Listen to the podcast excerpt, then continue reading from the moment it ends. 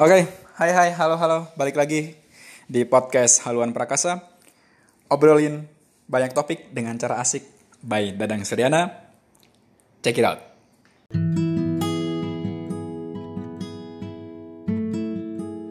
Ya, untuk episode kali ini, eh, episode ketiga ya, eh, kita kedatangan, kita, eh, gue, saya, saya akan rekaman bareng eh, teman, dia juga ada podcast, eh, podcast namanya apa? Benak Insan. Namanya Benak Insan, nanti bisa dicek. Eh, Oke, sebelum mulai, angka-angka baiknya untuk kenalan. Langsung aja mas, kenalan. Coba nama. Ya, eh, salam kenal buat para pendengar sekalian. Eh, namaku LA. eh, Los Angeles. Ah, bukan, bukan. Lenteng Agung. Podcastku bisa dilihat di eh, namanya Benak Insan. Ya, jadi sekarang lagi duet sama Mas Dadang. Mm-mm. Jadi gimana Mas? Iya, ini kan nggak semua orang kenal ya. Jadi Ella tuh harus dijelasin juga nih. Ah, nama sebenarnya. Tidak semua misteri itu harus dipecahkan. oh gitu. Oke oke. Jadi kita hari ini bareng Mas Ella Ya, eh, dari Benak Insan, Benak Insan dari podcast sebelah. tetangga. tetangga. Jadi kita ini secara singkat adalah apa ya? Teman satu kelas, Se-alma mater, satu alma mater, satu jurusan, satu jurusan. ya. menyukai beberapa hal yang tidak ya eh, sepemikiran dalam ya, beberapa sepemikiran hal dalam beberapa hal ya gitu. Dan kita harap obrolan kita hari ini menyenangkan. amin Oke, jadi kita hari ini bakal bahas eh, satu topik utama dan dua atau lebih topik tambahan. Yang pertama mas coba apa? Eh, jadi sebelum podcast ini dibuat eh, aku sama Mas Dadang nih udah sempat ngomongin soal quarter life crisis ya Mas ya Ya, Eh, ya seperti yang kita tahu ya kalau bahasa Indonesianya apa sih eh, krisis krisis seperempat hidup, seperempat hidup masa ya. hidup. Ya. berarti eh, berarti itu masa hidupnya 100 tahun loh Dianggap 100 tahun. Ya amin ya semoga Amin, kita amin, nyampe amin. 100 seperempatnya eh, seperempatnya 100 itu kan berarti 25, 25 ya. tahun. Jadi quarter life crisis itu identik dengan krisis yang eh, apa namanya dirasakan oleh orang-orang di usia 25-an lah ya. Hmm, Bisa sebelum 25, bisa sesudah 25. ya. Jadi gimana Mas? Ada yang mau ditambahkan? kita jadi resmi banget ya. Oke, eh, itu jadi kita bahas quarter life crisis. Lalu selanjutnya kita seiring berjalannya waktu ya, kita ngomongin apa yang berkembang di obrolan ini. Quarter life crisis eh, masa Hmm. seperempat hidup kita. Ya kalau sampai 100 tahun itu juga. Dari 100 tahun. BTW udah ya, udah seperempat abad ya. Eh, belum. Belum. OTW. OTW. Wah, saya Ya. udah. Wah, mantap. saya lebih tua berarti ya. Lebih tua dalam angka. ya, tapi beda dikit lah. Beda dikit, oke. Ya, eh, quarter life crisis identik sama yang tadi udah dibilang, umur-umur 25, umur-umur muda, Ya, muda dewasa ya. Eh, belum belum bener-bener dewasa tapi udah bukan bocah lagi lah belum udah bukan udah udah bukan ya. iya udah bukan remaja bahkan dewasa sih sebenarnya dewasa sih kalau muda dewasa. Eh, Dewasa udah muda, dewasa ya muda. ya ya karena di mata hukum juga udah bisa bikin perjanjian hukum Hmm. dan kalau misal di penjara juga udah hukum orang dewasa bukan hukum anak gitu kan jadi Hmm, 25 tuh ya udah dewasa banget sih iya ya. banyak dari teman-teman kita udah nikah udah punya anak Iya sih. Oke, hold hold. Kayak gitu. Karena itu Oke, bakal oke. jadi bahasan. mantap Oke, kita awali dengan apa sih yang dirasakan di fase hidup seperempat abad ini gitu sih? Apa sih kenapa sih bisa disebut krisis? Coba kita sharing deh. Yang mas Ya. rasain gimana? sebenarnya eh, aku sih yakin ya nggak nggak semua orang sadar kalau dia tuh ngerasain krisis tapi aku yakin semua orang tuh sebenarnya ngerasain jadi nggak Oke. semua orang sadar dia ngerasain tapi sebenarnya dia tuh mengalami quarter life crisis ini Atau mungkin lebih sederhananya nggak tahu namanya kali ya? nggak tahu namanya nggak tahu agak apa ke depan, yang Mas, agak ke depan. Mas. oh iya oke Ma. Nah, Oke. nggak tahu namanya nggak tahu nggak tahu eh, ini tuh perasaan apa ya kayak gitu kayak Oke. ya mungkin orang-orang awam cuma nganggap itu tuh galau biasa aja Galau. gitu kan tapi sebenarnya itu wajar karena di usia 20-an itu kita kan lagi mencari jati diri kita yang sesungguhnya Jati diri.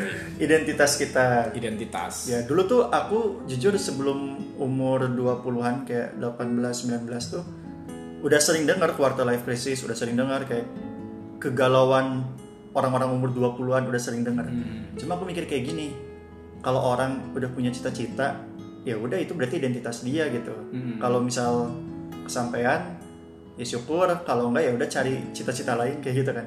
Hmm. Tapi sekarang aku mikir kayak gini ya, quarter life crisis itu sekalipun kita menjalani kehidupan sesuai cita-cita masa kecil kita, Oke. tapi pasti ada kalanya kita itu mempertanyakan eh, Bener nggak sih gitu ya? bener nggak sih terus apa ya kayak sebenarnya tujuan hidup kita tuh apa gitu kayak aku pengen jadi dokter misal terus udah berhasil nih masuk FK Fakultas Kedokteran udah lul- udah lulus Ah. SKET udah lulus eh, profesi udah udah jadi dokter Udah jadi tapi dokter. pasti ada aja eh, momen dia mikir terus sudah ini apa Oke, Kayak gitu. berarti kan tadi pertanyaan adalah apa sih yang apa ya ciri-ciri ya setidak gitu ya, ya nggak sih?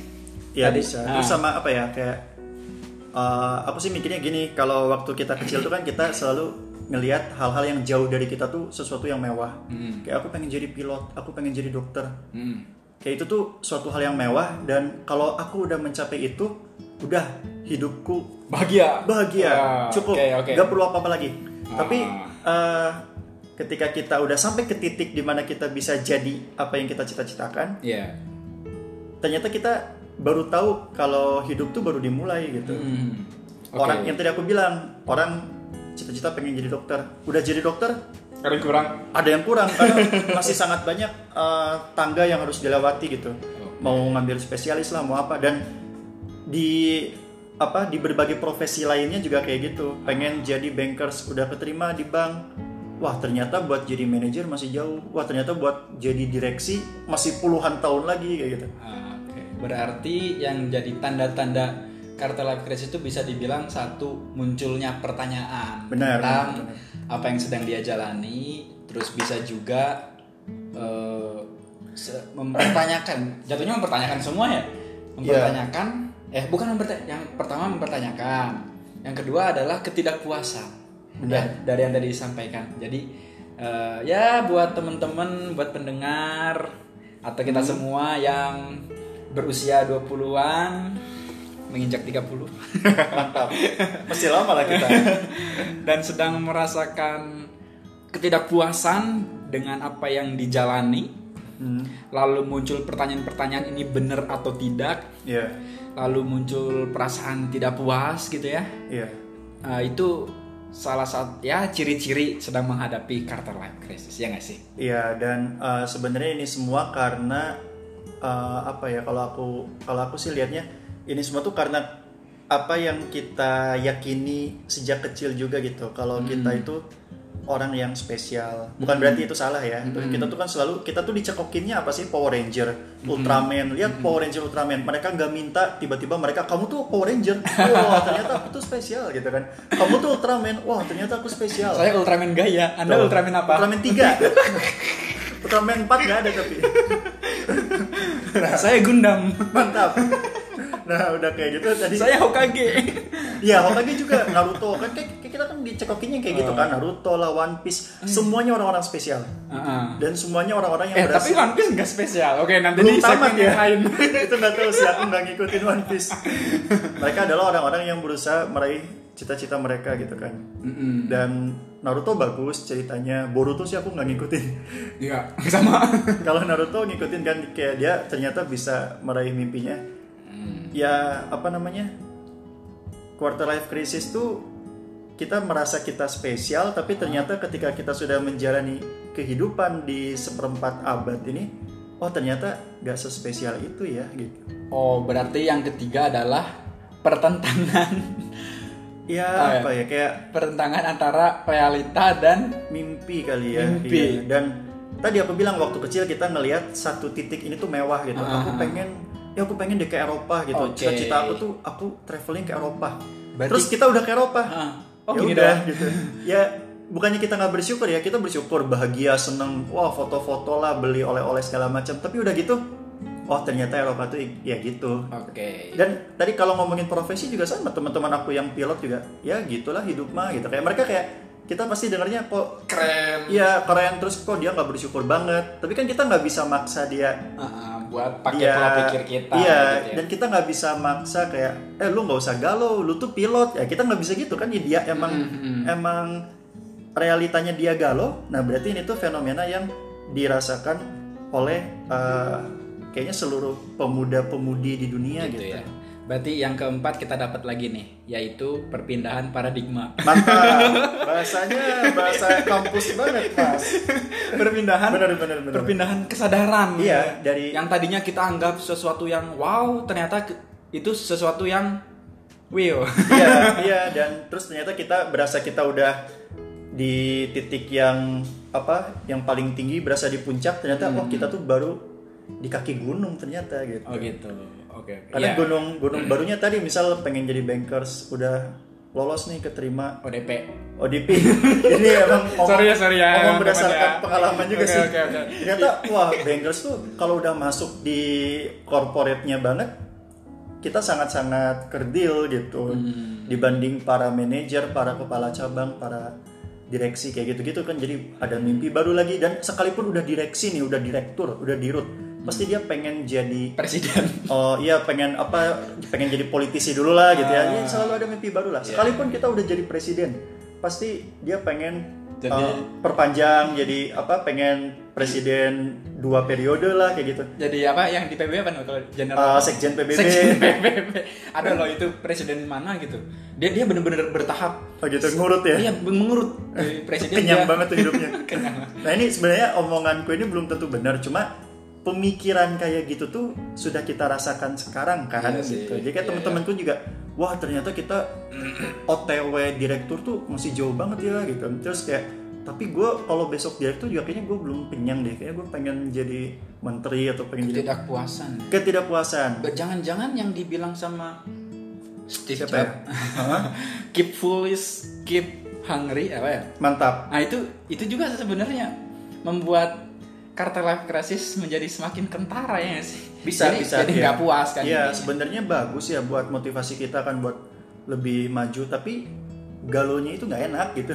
Minum minum minum minum. sambil minum ini mas makasih makasih galonya tuh nggak enak Galonya nggak enak. eh, lawannya bukan lawannya ya apa kayak obat kali ya obatnya quarter life crisis tuh mungkin klise banget parah tapi ya emang bersyukur sih kalau kata aku Oke, oh kita kayaknya udah melompat banget nih. Tadi kan kita tanda-tanda, ya kan? Tanda-tanda. Oke, kita udahin dulu nih tanda-tanda. Ya, oke. Jangan ke cara dulu. Oke, oke, Nah, oke. Sekarang kita ke bagian eh coba deh pengalaman pribadi deh, boleh nggak sih? boleh boleh Nah, coba dah gimana? Pengalaman ketika atau yang dihadapi atau yang sedang dihadapi atau yang pernah dihadapi di fase-fase kayak gini. Kita gantian lah ya. ya gantian Coba, coba. ya udah mas dadang dulu lah dari tadi aku Aduh, soalnya saya Ah, coba saya dari one per eight. Life Hah? crisis pun ada. Mantap. Krisisnya udah berkelanjutan seper ya. Delapan pun sustainable. ada. Seper enam belas pun ada. Enggak enggak enggak enggak, enggak. Eh, gimana tuh gimana? Eh, kalau saya eh, krisis seperempat abad ini apa ya? Ya bener. Yang tadi disebutin empat poin itu ciri-cirinya bener udah dirasain. Ya. cuman di pengalaman pribadi saya adalah saya eh, kalau eh, kalau mau tahu FYI Ya. for your information saya ini SMA-nya jurusan IPA mantap sama dong Sains. oh sama kita ya lah aku juga IPA Oh gitu. Iya. Lalu coba masuk kuliah lewat SBM ya SBMPTN jalur tulis. alhamdulillah sama sama Alhamdulillah nggak diterima. Hah? oh kan nggak langsung diterima maksudnya gitu loh. oh ada gap year ya Iya. ulang tahun depannya ya Ah, kamu ya ah. Mane? Nah, singkat cerita saya coba-coba ambil yang keren lah waktu itu di jurusan IPA yang nggak diterima lalu singkat cerita gap year lalu akhirnya di situ udah muncul krisis sebenarnya. Hmm. ketika mau mencoba mau kuliah lagi, weh saya lanjutin yang udah saya perjuangkan tiga tahun ke belakang atau gimana nih coba hal baru. Ya. Nah, akhirnya singkat cerita saya eh, banting setir. Saya akhirnya eh, ambil di Pajajaran jurusan HI.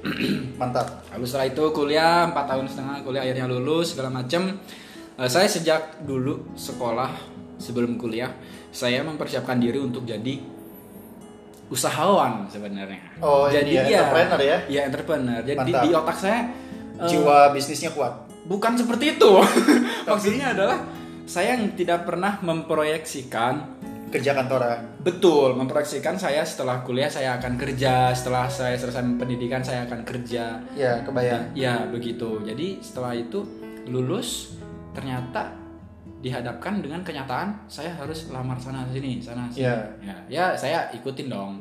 Lamar sana, lamar sini, lamar sana, lamar sini. Ya, akhirnya ada panggilan segala macem. Sampai berapa tahap, berapa perusahaan. Eh ternyata ada teman ngajak usaha. Lalu setelah itu Tertarik. saya saya iya tidak banyak cincong langsung saya Langsung tinggalkan terjun. semua itu. Ya. Semua- ya berarti jiwa bisnisnya kuat emang. Eh, saya nggak mau berbangga ya karena belum ada hasil. Ya, berproses lah. Semuanya berproses. ya, setelah itu saya coba jalanin bisnis bersama kawan saya. Lalu kemudian ternyata ya satu tidak memuaskan. Lalu waktu itu ada masalah yang ya ya bisa dibilang pelik Ya. yang yang mengharuskan saya untuk uh, tidak Mundur. mundur dari usaha ini. Lalu saya lamar lagi dan akhirnya keterima Hmm. jalan dan karena mungkin udah bawaan jadi untuk bekerja tuh lumayan agak bergumul ya buat saya. Ya. Maksudnya sesuatu yang cukup berat buat saya untuk bisa bertahan. Oke. Jadi saya cuma bertahan 4 bulan loh mas. Itu rekor loh. 4 bulan kerja itu rekor buat saya. Itu udah paling lama ya? paling lama. Ini gak sampai setahun ya? Nggak pernah, belum pernah. Habis itu ada tawaran, ayolah udah ke Bandung kita ada mau bikin ini, bikin itu langsung. Usaha saya- juga? Usaha juga. Ya. Langsung Langsung saya buka. tinggalkan. Yang lama ditinggalin, Iya, terjun di yang baru. Yang ini karena itu yang ini mungkin paling. Dan sampai sekarang masih berjalan? Dan sampai ini dipospon dulu karena kemarin ikut seleksi Oh iya iya mantap. apa pelayan negara. Abdi negara ya. Abdi negara. Ya kalau itu jodoh ya lolos. Iya. Kalau enggak ya berarti akan diberikan yang lebih baik lah. Ya oke oke. Gitu. Nah krisisnya di mana? Ya Kris- krisisnya gimana nih? krisisnya adalah ini gimana? Ini saya harus menerapkan ilmu saya Hmm.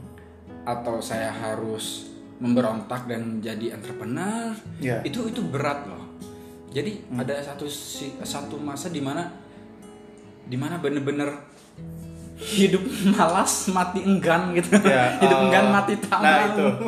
jadi ini saya Hidup melakukan enggan yang bener atau mau. enggak gitu Ya, loh ya. kalau misalnya beneran saya harus bisnis ya harusnya jalannya mulus-mulus aja dong tapi kenapa kalau Kok banyak cobaan Betul. gitu ya? Lalu lalu kemudian muncul pertanyaan, lalu kenapa saya harus kuliah 4 tahun lebih? Iya. Kalau misalnya saya harus tinggalkan itu dan harus usaha, saya saya bingung. Gitu. Kalau gitu nggak ngambil HI gitu Benar. ya. Itu itu krisis yang saya iya, alami. Ya kira-kira kayak gitu. Terus gimana buat nge-handle-nya? Sekarang udah agak uh, Kalau buat ngehandle, kayak udah ngalir aja gitu apa gimana? oh, saya tipe orang yang mencoba semua pintu ya. Saya dobrak, brak, brak, brak. Mantap. Setidaknya kalaupun itu gagal, saya dapat jawaban gagal. Ini nggak berlaku buat nggak penasaran lagi lah. Ini berlaku juga untuk hal lain, hubungan Iya. juga gitu. Mantap. Tapi itu beda judul nanti Oh, ya. beda judul, beda beda judul. Nanti panjang lagi itu. nanti panjang lagi oke kayak gitu lalu di Oke. situ eh, waktu itu saya kebetulan ada kesempatan ke Medan dan ada abang abangan saya di sana ya sedang ada acara Natal lah gitu. Lalu intinya adalah ya saya mendengarkan nasihat mereka. Hmm. yang intinya adalah ide nggak ada yang salah dengan ide gitu. Iya. maksudnya tapi harus realistis dalam artian harus apa ya bertahap sekaligus paralel. Iya. kita kejar emang harus mengejar banyak hal. Kita manusia nggak bisa cuma satu fokus gitu seri gitu nggak bisa. Tapi semuanya harus bertahap Ya. dan diingatkan kamu basicnya gini pengetahuan bisnis masih minim lalu Ya, step modal- by step lah ya step by semuanya step, ya. intinya kayak gitu dan setelah meresapi nasihat itu ya saya agak tenang sih menghadapi kartu life crisis ini Wah, Ya, syukurlah. semoga ke depannya nggak kagetan lagi gitu sih Mantap. Ya, tapi ini kita udah sampai solusi jangan tapi janganlah itu contoh yang saya Ya. alami aja nah sekarang masnya gimana Mas? Kalau dari aku sih sama ya kurang lebih karena aku juga sempat uh, salah jurusan Mm-mm. SMA IPA, tapi sebenarnya dari zaman SMP, zaman SD bahkan aku tuh suka banget social science. Oh bener. Ya Sejarah, sejarah, bahasa, bahasa, PPKN, betul, tes dulu. cas dulu, Ah. mantap. dan geografi aja aku suka, Hmm, bener. ilmu kebumian gitu-gitu kan, daripada uh, Eksak lah ya. Mafikibi, matematik, fisika, kimia, biologi. Tapi matematik agak agak suka, agak suka. sebenarnya kalau di sains saya sukanya biologi. Biologi aku paling gak suka malah. Seriusan? Karena itu bener-bener hafalan doang, males. Tapi itu cerita loh. kayak Iya cerita. sih, tapi tidak ada yang diperdebatkan gitu kan. Kalau matematika sukanya karena mengasah logika.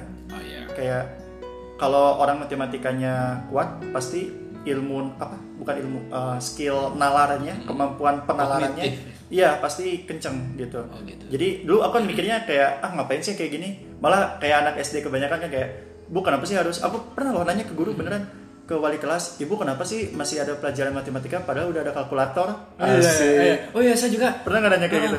Tapi hal yang lain, kayak semisal eh, waktu itu di fisika kelas fisika, ngapain sih Iya. kita belajar hukum Newton kayak gini? Emangnya di kehidupan nyata kita pakai rumusnya? Iya. gitu. Terus jawabannya apa? Nggak tahu ya. Oh nggak nggak nggak nanya nggak nanya ke guru. Nggak, Cuma cuma mempertanyakan Dan akhirnya dapat sih mempertanyakan waktu. sendiri doang gitu. Oh iya. Nah kayak nah itu aku masih ingat jawaban eh, guru aku waktu itu bagus banget kayak eh, kenapa harus belajar matematika padahal udah ada udah ada kalkulator.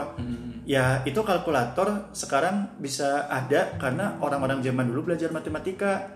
Kalau orang sekarang karena udah ada kalkulator nggak mau belajar matematika, berarti orang sekarang nggak lebih pintar dari orang zaman dulu dong gitu. kayak. Oh iya iya. Terus nanti di masa depan makin makin mundur, makin iya makin mundur lagi, makin mundur, makin mundur. Jadi generasi ke generasi itu makin bego dong gitu lah kasarnya gitu ya. Ngomongnya nggak persis kayak gitu. Terus aku mikir, oh iya ya, kan generasi ke, ke generasi itu harus meningkat. Sekarang ada yang namanya kalkulator. Ntar ada lagi alat bantu apa gitu ya. Ya nggak harus di dunia matematika, di dunia yang lain, dunia medis atau apa itu kan prinsipnya. Kenapa bisa selalu ada terobosan baru? Karena generasi ke generasi itu semakin lebih baik, bukan semakin lebih bego gitu. Iya oke oke. Semakin menurun ya. Sema- iya bukan semakin menurun tapi harus semakin meningkat. Upgrade. Eh, ini agak out of topic ya. Out of topic bener. Intinya dari situ eh, suka social science karena suka matematika sempat ngarang ngarang milih jurusan waktu SNMPTN alias undangan milihnya teknik milih teknik ya salah Di satu Universitas Gajah Duduk ya. Eh, ya pokoknya adalah salah satu perguruan tinggi di Indonesia. Prestisius. Sa- ya katanya sih. Tapi ya memang eh, ya patut dibanggakan lah Indonesia punya kampus itu. Patut dibanggakan juga Indonesia punya Unpad, punya kampus lain juga. Semua kampus bagus lah. Asal semua, semua kampus bagus. ya? semua kampus bagus asal terakreditasi. jangan jangan yang ya gitulah ngerti lah udah. Jangan tiba-tiba wisuda. Ya itu abal-abal. jangan baru daftar kemarin lusa udah wisuda gitu jangan. Next Eh, next. eh, tadi apa apa namanya? Sempat nyasar di teknik. ternyata nggak suka. Ah. Ya bukan nggak kuat nggak suka kuat-kuat aja sih tapi nggak akan nggak akan pakai hati belajarnya gitu. Hmm. Nggak akan pakai hati. Jadi pakai kaki. Pakai kaki bener pakai pakai tangan lah gitu ya pakai tangan buat nulis pakai otak sih yang jelas telinga nggak dipakai telinga. telinga dipakai tapi eh, dia masuk telinga kiri keluar telinga kanan gitu si Oh kira-kira kirain telinga kiri keluar telinga kiri juga. Oh jangan dong, Mantul. mantul. Ada tembok berarti di Ada dalam. tembok udah kamu denger. Ya, Jadi intinya nggak nggak masuk ke hati gitu, materi-materinya, pembahasannya, pro- Ah. prospek ke depan pun nggak masuk ke hati. Padahal udah dicekokin loh, kalian kalau IPK tinggi, kalau berprestasi bisa jadi engineer di perusahaan multinasional dan gajinya gak usah ditanya gitu ya kayak Ah. kayak cukup berapa bulan udah langsung dapat Innova kayak gitu. Eh, jadi Oh, nggak karena Innova. Ah, nggak sampai setahun dulu kan Innova kan ngetren. Iya. Ya, masih sih ya kayaknya sampai sekarang. Nah, Porsche. Porsche itu wah kelasnya beda. Tapi intinya dari sana nggak suka. Setiap hari eh, kayak belajar gitu-gitu aja nggak masuk ke hati. Akhirnya aku mikir, ini 4 tahun kayak gini apa nggak sayang waktu? Mm-mm. Karena aku aku sampai mikir gini nggak apa-apa lah S1 teknik tapi S2 pengen sosial. Kayak gitu aku mikirnya. Tapi setelah dipikir-pikir lagi, kalau emang suka social science, ya dari sekarang lah gitu. Jangan entar sayang waktu gitu kan. Akhirnya memutuskan keluar ikut SBMPTN lagi tahun depannya dan alhamdulillah lolos di HI Unpad. Wih, kita satu kelas. Wih, mantap. Alma maternya para menteri. Lulusannya udah pada jadi dubes. Presiden aneh sih. Presiden belum. Unpad. Siapa? Ya kecuali Cuman bentar Bu Mega. siapa sih? Bu Mega iya sih. Ah Bu Mega juga gosipnya nggak lulus. Nggak tahu ya. Ini maaf ya kalau Emang misal ya? salah. Bukan menjatuhkan. Sebenarnya saya juga saya eh, Tapi dia dapat honoris saya bangga iya saya bangga salah satu alumni Unpad itu kan Bu Mega katanya cuma katanya eh, honoris causa yang kemarin doang kan nggak Iya. kemarin nggak kemarin banget sih beberapa tahun yang lalu ya Nanti ada yang ya ini, nantilah Jangan Ya, maaf, maaf, maaf. Ya intinya keren. intinya keren intinya keren Eh, banggalah dengan semua alumni Unpad Mm-mm. Eh, ada Ibu Mega ada Pak Mega. eh, Ferry Bal dan Ada banyak Bu banyak Mega, Bu Mega. banyak banyak yang udah jadi menteri. Dubes. Dubes Indonesia untuk Inggris dubes Indonesia untuk Kanada. Mungkin udah dimutasi ya nggak tahu tapi pokoknya udah banyak lah. Oke. Pokoknya pejabat banyak orang di penting lah ya. kementerian. Itu itu baru dari HI yang jadi dubes ya. Belum lulusan eh, FEB Fakultas Ekonomi Bisnis lulusan Hmm. fakultas lainnya FH nah FH jangan ditanya. Lulusan Oh, iya, hukum Unpad Parah-parah ya. parah-parah famous famous Eh, pengacara kondang lah Eh, asik jadi intinya ya alhamdulillah bersyukur Jadi eh, buat adik-adik yang lagi bingung cari ya, kampus, udah. Eh, ada sedikit saran tapi nggak sih takutnya nyakitin hati orang nggak jadi nggak jadi nggak jadi jadi jangan jangan. ya pokoknya ikuti kata hati kalau menurut eh, kata hati eh, aku pengen jadi anak unpad ya udah gitu Aku kamu kita salam satu empat ya sih? mantap Hmm, iya. salam satu unpad nah udah gitu eh, alhamdulillah tuh puas banget kuliah di unpad bisa dibilang sejauh ini sih golden age aku tuh zaman kuliah kuliah S1 karena sangat enjoy 4 tahun dijalanin itu alhamdulillah nggak ada cekcok. Aku nggak nggak ada banget ribut sama orang. Ribut sama dosen nggak ada. Kesel sama Ada, saya pernah ada yang sama aku. Eh, kita lagi kuliah apa ya? Tapi ini kuliah umum. Iya terus? Eh, sama Yang aku Ibu diusir? Ratna Sarumpait. Oh iya itu kan bukan dosen kan Iya, tapi dia Iya, Bu Ratna lagi eh, ngebawain kuliah umum, aku nanya terus ada perdebatan, seru sih. Seru. Nah, itu justru justru seru jatuhnya, bukan kesel, Bukan seru kesel, gitu ya. ya. Dimarahin dosen sering, tapi nggak kesel, nggak dendam. Eh, berantem sama temen nggak pernah, alhamdulillah. Terus nggak ada yang nggak ada yang aku benci, nggak ada yang aku nggak suka dari empat nggak ada sih. Yang aku nggak suka tuh satu Jatinangor panas banget, kesel. Kesel kenapa kampusnya nggak dipindah ke Bandung? Kenapa harus di Nangor gitu? Sumpah itu aku awalnya benci Nangor, tapi uh, pas udah sekian tahun dari benci jadi cinta. eh Jadi hati-hati emang kata orang apa yang kita benci itu bisa berubah jadi apa yang kita cinta. sip. Oke, jangan bahas cinta. Oke maaf maaf, nanti beda judul ya. Uh, lulus dari Unpad, nah ini mulai quarter life crisis aku tuh sebenarnya dimulai dari tahun 2017 2017. sebelum lulus waktu zaman skripsian Oke. ketika teman-teman berkurang. Hmm, sedih. Hmm, iya iya iya. Teman-teman berkurang Support sistemnya kayak Iya support yang- sistemnya hilang gitu kan, circle-nya hilang berkurang. Mm-mm. Uh, wajar sih sebagian skripsian juga, sebagian masih ngulang, Iya. sebagian udah hilang kan, ya kan?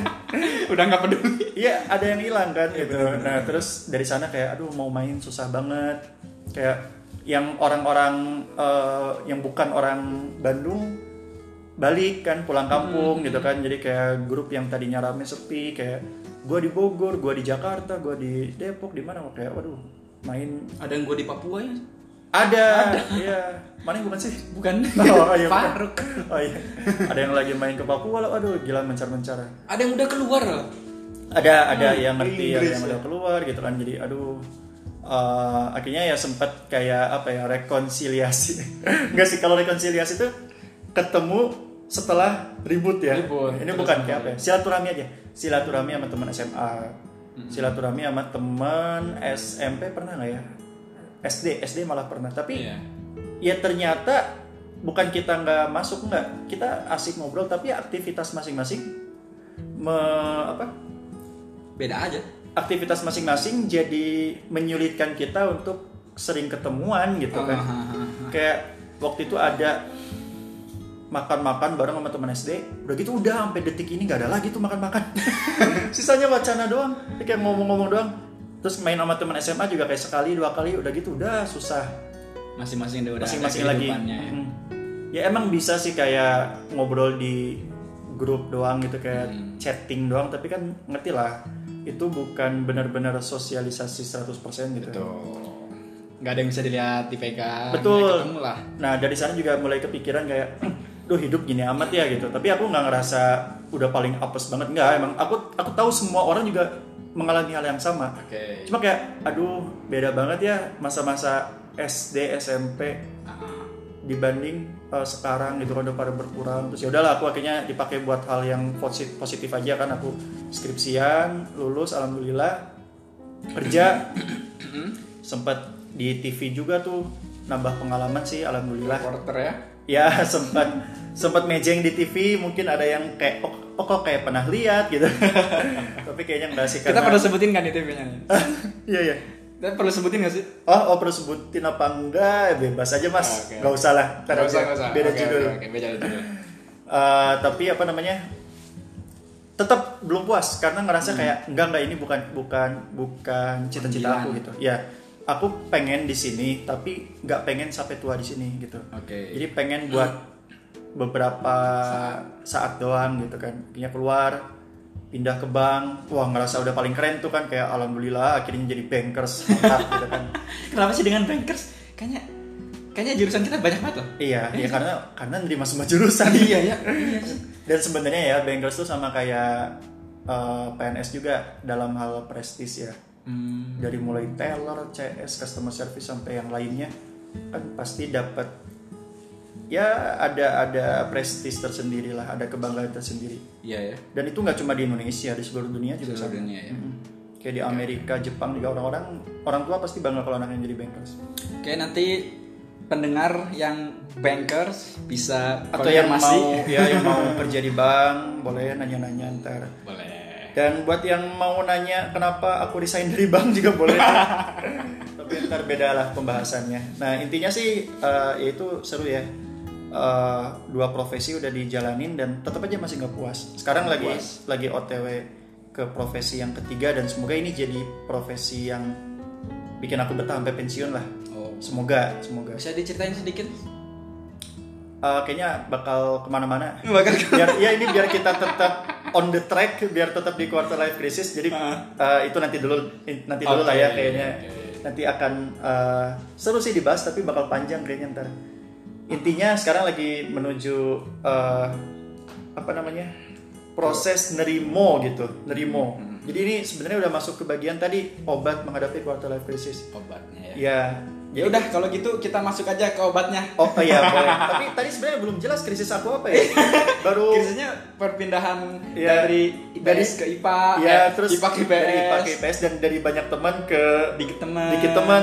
Profesi. profesi. Nah iya selain itu eh, yang sangat-sangat dirasain banget tuh di rumah kayak sering merenung kayak Oh, iya ya. ya eh, hidup tuh ya hidup tuh predictable ya gitu loh Bisa di bisa diprediksi. bukan bisa diprediksi sih salah salah. Hidup tuh hidup tuh unpredictable tapi sangat bisa diarahkan. eh, apa ya? Hidup tuh mainstream ya gitu loh. Hidup tuh ya kita udah paham lah alur kehidupan tuh ya kayak gini gitu kan. Mhm. kuliah lulus eh, gawe udah sisanya make a living gitu kan cari pemasukan buat hidup jalanin hidup Mati. berkeluarga pensiun eh, sakit dan meninggal dunia gitu kan. kayak gitu dan eh, ya apa pun profesi kita mau presiden juga kayak gitu mau aku raja juga mau aku Elon Oh. Musk. siapa tuh Elon Musk. oh iya tahu kan? Eh, ini apa sih yang keluar angkasa tuh Iya, keluar angkasa. Iya. Eh, Zuckerberg. ya semua semua Bill Gates lah eh, Steve Jobs. Sampai aku kan orangnya suka banget sejarah. Dari zaman dulu banget emang orang kayak gitu. Iya. Eh, dari zaman dulu banget. Maksudnya kegalauan remaja kan orang bilang ih remaja sekarang mah apaan sih galau-galau? Orang zaman dulu mah nggak ada tuh galau-galau mikirinnya eh, kerja bantu orang tua. Siapa bilang zaman dulu juga udah ngerasain quarter life crisis. Zaman dulu juga remaja tuh udah rebel udah Gak ada medianya kan? bandel. Gak ada namanya doang kali Gak ya. ada namanya. ada sih tapi gak banyak orang yang tahu. Mhm. Kayak orang kan selalu nih tiap tahun pasti ada yang bilang eh anak muda sekarang mah gak kayak anak muda zaman dulu gitu ya. Kayak Ketika dulu pun gitu. anak-anak sekarang mah bandel anak-anak sekarang mah nggak nurut ke orang tua. Padahal zaman Gen X generasi X masih muda juga dikatain gitu sama nenek kakek kita. Terus zaman nenek kakek kita masih muda dikatain gitu juga. Sama zaman buyut. sama zaman buyut kita tuh sampai ke Nabi Adam kayaknya. Karena gitu beneran kayak kalau teman-teman lihat film-film tahun 50-an tuh James Dean, Marlon Brando artis lama Oke, oke. itu dulu, dulu udah kelihatan mereka tuh rebel terus mereka tuh dikatain sama orang tua ya ampun pakainya kaos doang dulu tuh Iya. dulu kaos nggak sopan kayak kita Ah, yang kita pakai sekarang ini kan dulu kan masih ke kampus apa Iya masih pada pakai blazer jas gitu kan. Hmm. Jadi pakai kaos doang tuh udah rebel banget. pakai jeans itu udah rebel banget nah Iya. intinya sih ya fashion memang berubah tapi intinya sifat rebel itu dari dulu udah sama kan Tetap ada ya. Iya, baik itu uh, konkretnya dalam hal berpakaian atau cara bicara atau apa, tapi tetap aja rebel tuh dari dulu itu tuh sampai sekarang. Nah, quarter life crisis sangat erat kaitannya dengan sifat rebel ingin memberontak gitu kan. Alami. Iya, tadi aku mikir kayak aduh hidup tuh mainstream ya.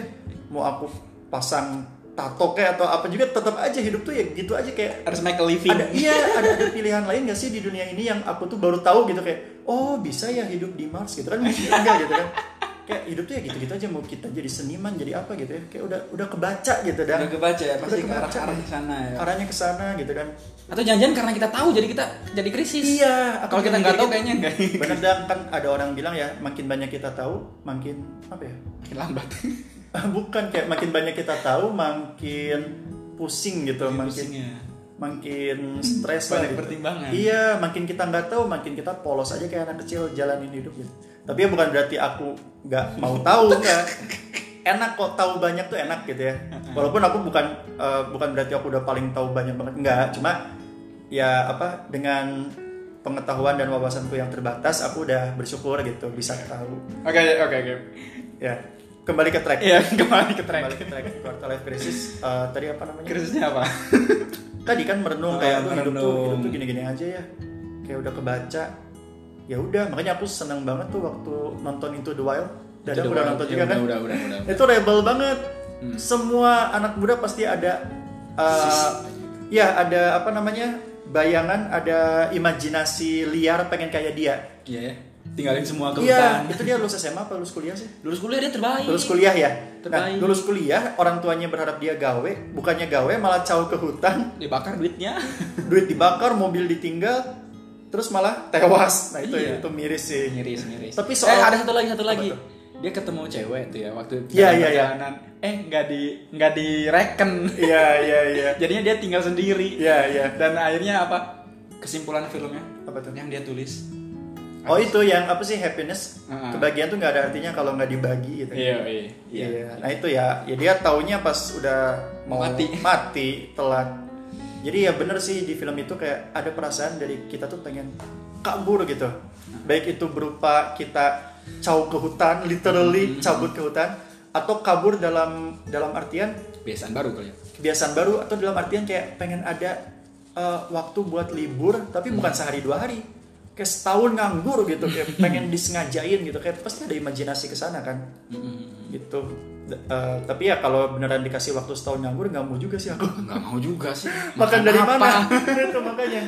Uh, tapi ya gitulah ada perasaan kayak gitu kan kayak mungkin lebih tepatnya coba kalau bisa nge-pause waktu gitu ya. Ah. nge-pause waktu kita doang yang gerak nah jadi kita bisa jalanin apa yang kita mau seenaknya gitu. Iya, itu quarter life crisis kayak pikiran-pikiran random kayak gitu terus akhirnya mulai nerimo ya hidup tuh gini.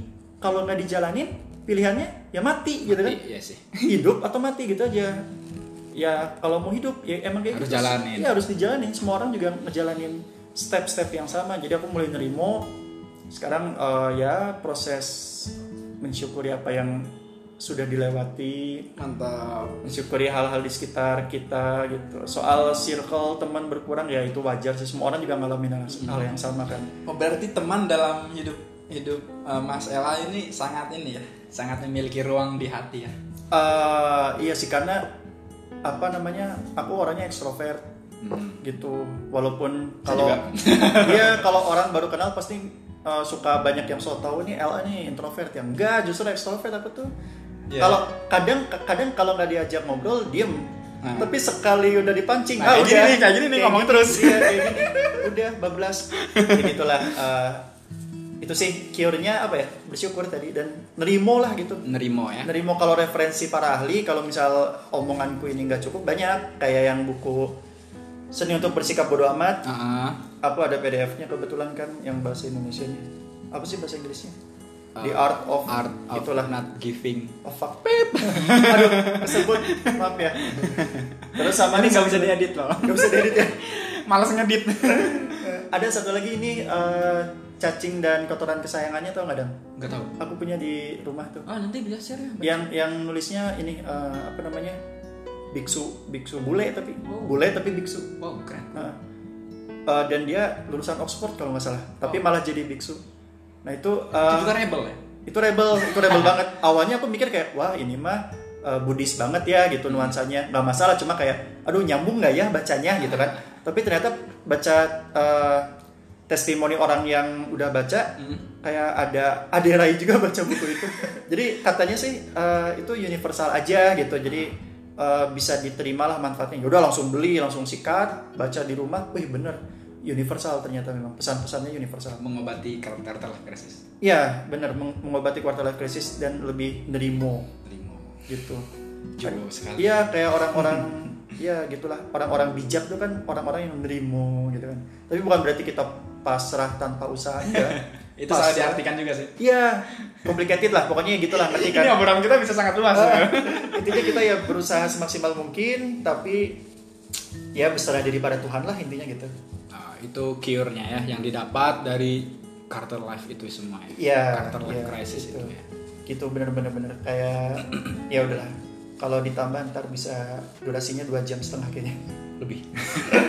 itu aja sih Mas Dadang terima kasih atas waktunya ada yang mau ditambahin nggak Apa ya? Saya belum ngomong cure nih. oh pure ya Cure eh, saya ya kan iya Nah, iya Nerimo ya kalau tadi masalah ya. Iya. Kalau kalau saya ini beberapa bulan terakhir lah ya, Hmm. kayak diingetin lagi kayak supaya lebih jelas ngelihat. Jadi bisa dibilang Carter Life Crisis ini karena kita nggak jelas ngelihat ke depan. Hmm, Karena abu-abu dan masih ada kegamangan, keraguan di hati kita, di pikiran kita. Setuju Nah, untuk mempermudah ini, nggak tahu nggak tahu kenapa ya, Nah, ya mungkin alam semesta bicara. Kalau kalian nggak terima alam semesta yang bicara, mungkin Tuhan lagi bicara. Kalau kalian nggak terima Tuhan yang lagi bicara, mungkin hati nurani lagi bicara. Pokoknya intinya adalah eh, momen-momen atau kejadian-kejadian yang terjadi beberapa bulan terakhir itu mengarahkan buat saya sendiri untuk kembali ke identitas kamu tuh siapa, mantap ketika kamu tahu identitas kamu siapa yang sebenarnya, yang kamu yakini sebenarnya identitas kamu, itu akan mempermudahkan kita untuk mengambil keputusan, iya untuk mempermudahkan kita eh, untuk melangkah ke langkah selanjutnya gitu loh. iya Ya kira-kira kayak gitu sih. Kita bisa obrolin ini lebih lanjut nanti lebih dalam. Intinya adalah ketika kita tahu identitas kita, kasarnya kayak gini. Ketika kamu tahu kamu ini seorang anak sultan, gitu ya, Ya. anak-anak raja gitu. Kamu nggak akan pusing dong ketika di jalan. iya Ketika di jalan kamu harus pulang dan kamu nggak tahu harus gimana, kamu nggak akan pusing dong. Yang Ya. nggak nggak harus, aduh, gua harus gimana ya, gua harus gimana, nggak gitu. iya Karena kamu udah tahu identitas kamu. iya Terus ketika ketika kamu mengimani, misalnya kamu, oh saya seorang raja bajak laut, Hmm. ya kamu bakal semua pilihan-pilihan kamu ke depannya adalah yang mengarahkan kamu untuk menjadi raja bajak laut. Iya. Gitu, Setuju, Luffy setuju. itu One Piece. mantap nyambung ke anime lagi ya, ya kira-kira kayak gitu loh. iya iya setuju setuju Naruto dengan tagline-nya ini jalan ninjaku gitu Iya, kan. jadi Maksud- ya. Intinya adalah ketika identitasnya dia udah nemu identitas dia. jadi tempuhlah jalan ninjamu Ya. sendiri gitu kan Tapi itu harus Iya. dicari Iya. dan pencarian itu nggak cukup satu dua tahun. benar bisa sampai lebih mungkin 25 tahun mungkin lebih ya. lebih kayaknya. Kayaknya uh, quarter life crisisnya udah lewat tapi pencariannya mah masih lanjut Ya, gitu. ya, krisisnya lebih Carter plus. Semoga enggak sih. Tapi ini ada uh, aku ada satu hal yang ingin di share nggak apa-apa kan? Masih bisa. Boleh boleh boleh. Uh, aku lihat di YouTube sih bukan bukan ide aku sendiri. Jadi orang selalu mikir kehidupan ini tuh suatu perjalanan. Perjalanan menuju kesuksesan. Itu yang paling mainstream kan? Mainstream. perjalanan menuju kebahagiaan kayak gitu. Tapi si orang satu ini di YouTube dia bilang jangan coba jangan lihat uh, kehidupan itu sebagai perjalanan. Karena kalau kita kayak kita lagi dalam perjalanan kita cuma fokus di tujuan. Kita pengen cepet-cepet di akhir. Kita nggak menikmati proses, kita nggak menikmati momen sekarang gitu kan. Dan setelah kita udah sampai akhir, ntar kita bingung, ntar kita cari uh, perjalanan baru lagi. Capek. Capek. Nah, eh, yang bagus itu kita nerima eh, bahwa kehidupan ini seperti orkestra. orkestra Iya, kan eh, apa permainan musik emang orkestra apa sih orkestra bener nggak oh ya? musik Ini- itu ya musik yang banyak alat musik Ya, ya oh kalau kalau ya, salah tolong simfoni dikoreksi. simfoni. Bener kan? Ya, orkestra kayak gitu. Jadi kita menikmati setiap alunan nada asik. Mantap. Detik demi detik tuh ada maknanya gitu dan Iya, iya. malah kita nggak mau cepat-cepat berakhir gitu Ah, nah jadi gitu dan tadi nyambung sih kata Mas Dadang kan harus tahu identitasmu sendiri ya kayak orkestra harus tahu kita tuh megang bass megang oh iya bener ya megang apa trompet Oke, atau apa nah nah ya itu sih Iya. Oh, aduh, jadi jadi kepancing pengen ngomong Gak sesuatu. gak nih. apa-apa. Ya, ya kayak yang tadi nih, eh, jangan melihat hidup, Hidup sebagai perjalanan. perjalanan, tapi sebagai orkestra. Orkestra. Tapi di satu sisi ada ada juga kalimatnya. Ya kita nyomot ya hikmat dari mana pun bisa ya. Hmm, gak Saya nggak tahu dapat dari mana. Pokoknya intinya adalah hidup itu bukan suatu race apa ya, pertandingan. ya Tapi mirip. hidup adalah perjalanan. nah, sedangkan Oh. tadi Nah, sekarang di breakdown lagi. Hidup Iya. bukan perjalanan tapi Iya. eh, orkestra. Jadi maksudnya ya tergantung point of view ya. Oh iya iya benar. Iya kan? Bukan berarti yang ini yang paling benar cuma untuk aku pribadi dan ini sangat subjektif paling ngena gitu kalimat hidup itu anggap sebagai orkestra ngena banget sejauh ini Iya ya. dibanding hidup sebagai perjalanan karena hidup sebagai perjalanan kayak aku OTW Bandung Jakarta aja gitu kan Hmm. naik kereta tiga jam setengah padahal nyaman AC Hmm. eh, sofanya enak bukan sofa Tempat duduk. Seatnya Coach- enak gitu, coach ya. Apa sih namanya? ya pokoknya kursi pokoknya kursinya enak kursi. gitu kan bisa pesan makanan tapi gak sabar pengen cepat nyampe pasti Iya. gitu Eh, lebih parah lagi kalau hidup adalah race ya, pertandingan. wah hidup Aduh, adalah pertandingan capek, ya. yang namanya pertandingan kan tiap kita ngelangkah ngos-ngosan Iya ya. capek kan Terus kalau nggak menang? iya sedih jadi ya Ya. itu terlalu jadul sih kayaknya hidup anggap hidup sebagai apa balapan race tapi bukan berarti bukan berarti Itu salah. itu salah dan bukan berarti kita jadi bisa leye-leye kayak gitu Heeh. ya intinya benar kata Mas Dadang tadi sesuai point of view masing-masing Heeh. tapi apa yang kita yakini itu benar ya udah pertahankan selama ada koreksi baru yang membuat kita jadi lebih baik lagi Iya iya iya. itu jangan kita udah yakin bumi ini bulat terus ada orang bilang bumi ini segitiga terus kita jadi goyang Jadi imannya goyang, iya, gitu iya. kalau Iya kayak sih. gitu itulah orang yang nggak punya identitas Belum nemu identitasnya. belum nemu identitas kalau masih di tahap itu wajar nggak apa-apa nggak apa-apa ya. Oh iya, masing-masing orang juga kan punya apa ya time zone-nya iya iya ada time zone-nya sendiri bener Ya barangkali ada orang yang lagi di time zone hidup adalah race. nggak apa-apa. Barangkali udah ada yang sampai di tahap hidup adalah orkestra. nggak apa-apa pokoknya. Ya kan? Hidup adalah Uh, taman bermain. bisa bisa. Hidup adalah mau ngelawak tapi nggak tahu mau ngomong apa nih. Garing garing. Takut garing.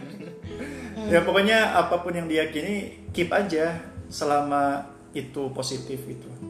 Jangan ya apa asal jangan yang kayak ah hidup tuh nggak ada maknanya hidup tuh suatu kesalahan. Itu ekstrim yang lebih yang ya lebih itu uh, tidak direkomendasikan lah pemikiran kayak gitu. Karena nanti jatuhnya jadi pesimis Hmm. sedih nanti jadi di otak juga pasti kurang dopamin yang kayak gitu. Iya jadi sedih galau gegana. Tapi bukan Apa bukan gegananya poli. Gelisah galau dan merana. Jadi itu mah lagu. kayak gitu. Udah sekian dulu deh. Oke, ya gitulah pendengar-pendengar yang budiman tentang karakter life crisis. Kita Mantap. ngomong emang ke sana ke sini ke sana ke sini, tapi eh, kita harap bisa ambil ini ya eh, apa pelajaran ya Ya. dari yang kita obrolin. Semoga ya dapat pencerahan Amin. atau ya bisa di share lah. atau ya apa. bisa mampir juga ke apa namanya kok jadi lupa benak Oh. insan Lupa. podcast ini pada Ya, bisa Ya. mampir ke podcastnya Mas LA di Benak Insan. Asik. Di lewat Anchor bisa ya, lewat Ya. Spotify juga udah bisa ada ya. mantap Eh, banyak sih, banyak apa channelnya? Maksud- Bukan channel apa saluran. Namanya apa tadi ulang Mas? benak insan Benak Insan Lanjut by aja. LA. Oke, terima kasih dan sampai jumpa. Tapi kita nggak berjumpa ya sama pendengar ya. Oke oke. Ya, lah. Gimana ya nutupnya ya? Bingung. Karena kita obrolannya lumayan berat, lumayan berat. Oke. eh, Ya lanjut lagi di lain waktu lah. Ya, Oke. kita lanjut lagi di lain waktu ngomongin topik yang lain. Ya, gua harap ini cara yang asik ya sih ngobrol kayak gini. Asik banget, Asik banget. banget, mantap. Banget. Eh, ya, sebenarnya kita pengen banyak ngobrol tentang coronavirus, lalu Ya, tentang banyak banget lockdown, Yang lalu- pengen dibahas. Iya, lalu tentang apa? Apa yang di Filipina tuh? Eh, terorisme lah ya. Abu Abu Abu Sayyaf ya Abu kalau nggak salah. Terorisme, iya. coronavirus, ekonomi, Ah, pembangunan negara ya kita mau bahas yang berat-berat juga ya tadinya. Iya, kita banyak yang pengen dibahas. Iya. Cuman di luar hujan. Kalau soal roman gimana nih roman? Eh, roman, nih? roman, roman apa? Romansa. Masa nggak ada yang mau dibahas? Bisa juga ya ntar ya. Bisa atau mau sekarang sedikit ya penutup. Boleh, Mungkin Mas. berhubungan sama quarter life crisis barangkali ya. Ya, ada Eh, hubungannya nggak sih? Bisa. Tapi eh, ya subjektif lah. Mas, Subjektif, Mas Dadang aja lah. subjektif, subjektif. Mas Dadang aja gimana? Kalau ada yang mau ditambahin sedikit? Kalau saya berhubungan sama romansa gitu sama apa ya percintaan gitu Ya. Bisa cek di di Oh ada catatannya ya? di di blog blog blog saya haluan prakasa juga namanya Mantap. atau bisa ikuti di storyal saya nulis buku judulnya babak patah hati dan ke depannya bakal nulis ya sekitaran begitu begitu ya Ini kira-kira produktif banget nih Mas Dadang nih. jadi kita kesedihan harus dijadikan satu yang produktif Asik. Setuju? ya oke. saya nggak mau bahas tentang romansa kali ini mungkin mas silakan mau Malah nanti panjang lagi nanti aja. Panjang lagi. oke sekian aja Eh, obrolan kali ini eh, gua Dadang Suryana Ya dan aku LA. Di apa ini namanya? Di podcast Haluan Perkasa dan sedang apa namanya? Featuring featuring dengan Benak podcast Insan. Benak Insan. Kami ucapkan terima kasih dan terima kasih sampai dan jumpa. sampai jumpa. Oke bye. Thank you guys